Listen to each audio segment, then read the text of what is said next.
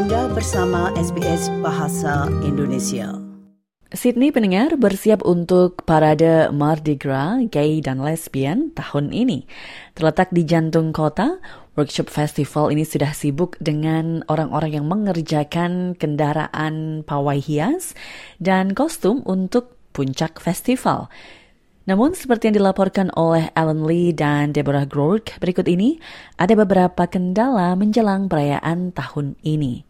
Berikut ini rangkumannya. Bermula sebagai barisan unjuk rasa pada bulan Juni 1978 dengan puluhan penangkapan dan kekerasan polisi, kini festival ini berlangsung selama 17 hari dengan parade sebagai acara puncaknya. Museum Demokrasi Australia pendengar mengatakan Sydney Mardi Gras menyumbangkan 30 juta dolar bagi perekonomian kota setiap tahunnya. CEO Mardi Gras, Jill Beckwith, mengatakan bahwa hal ini menunjukkan bahwa acara ini telah mengalami kemajuan pesat. We have that recognition from politicians, from uh, other communities about how important we are to the sort of fabric of Sydney and Australia. And I think particularly after Sydney World Pride, we've actually really sort of um, uh, cemented ourselves in the fabric of pride around the world. I think that's so important. Tahun ini, lebih dari 100 acara tari, musik, dan teater dilangsungkan di seluruh kota merayakan komunitas LGBTIQ+. Namun, akhir festival itulah yang menjadi sorotan yang ditunggu-tunggu banyak orang, yakni parade pada hari Sabtu di Oxford Street di CBD.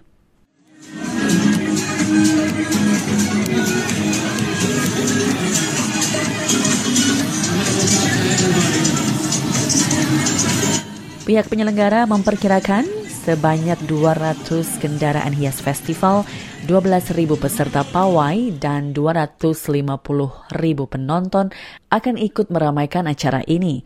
Mulai dari mature-aged gays, Australian Rainbow Veterinarians, Parents for Trans Youth Equity, Please Don't Forget Our Homeless Group, dan masih banyak lainnya, Kendaraan hias komunitas mencerminkan beragam aspek dari mereka yang membentuk populasi LGBTIQ+ merupakan tradisi tahunan bagi kelompok yang disebut Dykes on Bikes untuk membuka parade berkendara dari Hyde Park di pusat kota ke Moore Park.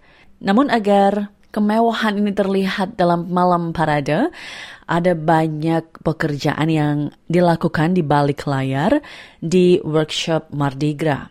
Workshop ini pendengar mempekerjakan 10 staf tetap yang sangat terampil dan ditambah juga oleh pasukan sukarelawan dengan berbagai bakat. Liz Carter telah mengelola aktivitas ini selama 9 tahun terakhir. I think the hardest thing for us is always time because although we have a good amount of time, it's always the level of detail and the level of quality that we want to put in. Everyone is so passionate about what we do and conveying our message, which is incredibly important to people. It's it's not just a celebration; it's about what we're saying to people and the world around us. And so, getting that message defined into the best quality is really very important. Namun masih ada kontroversi seputar acara tahun ini.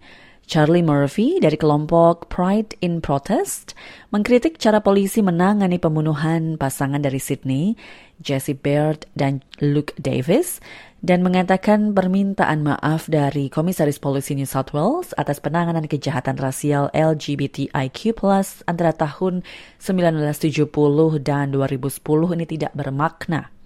After years of campaigning, the New South Wales Police have now been disinvited from participating in the Mardi Gras parade. But the fight for safety and justice in our community does not end here. We demand the immediate disarming of New South Wales Police, banning police use of all firearms, tasers, pepper spray, batons, Keputusan untuk melarang polisi menghadiri parade kini telah dibatalkan. Dewan Mardi Gras mencapai kesepakatan dengan Komisaris Polisi Karen Webb agar para petugas polisi dapat melakukan pawai selama mereka tidak mengenakan seragam.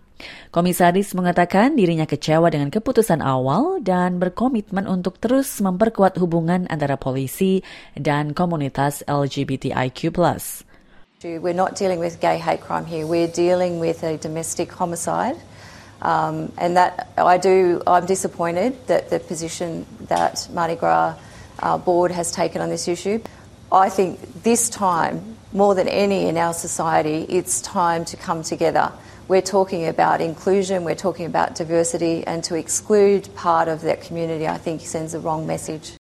Sementara itu para advokat mengatakan telah ada banyak kemajuan selama 50 tahun terakhir, mulai dari dekriminalisasi, undang-undang anti-diskriminasi, pengakuan hukum transgender, penghapusan larangan bergabung dengan militer, perwakilan di parlemen, hak adopsi, dan legalisasi pernikahan sesama jenis.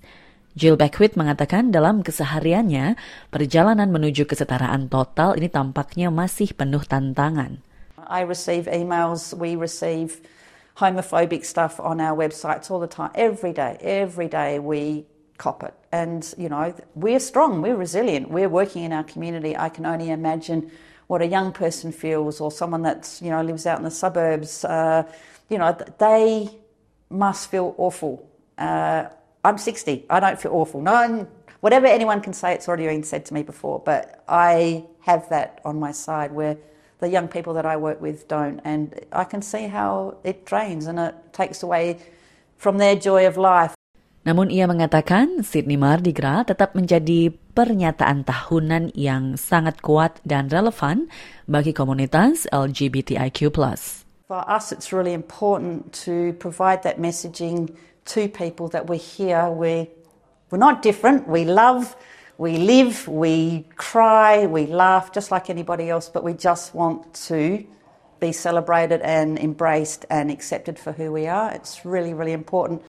Demikian tadi pendengar, rangkuman yang disusun oleh Alan Lee dan Deborah Grok untuk SBS News dan dibawakan oleh Tia Arda untuk SBS Indonesia. Sukai, berbagi, komentar. Ikuti SBS program Bahasa Indonesia di Facebook.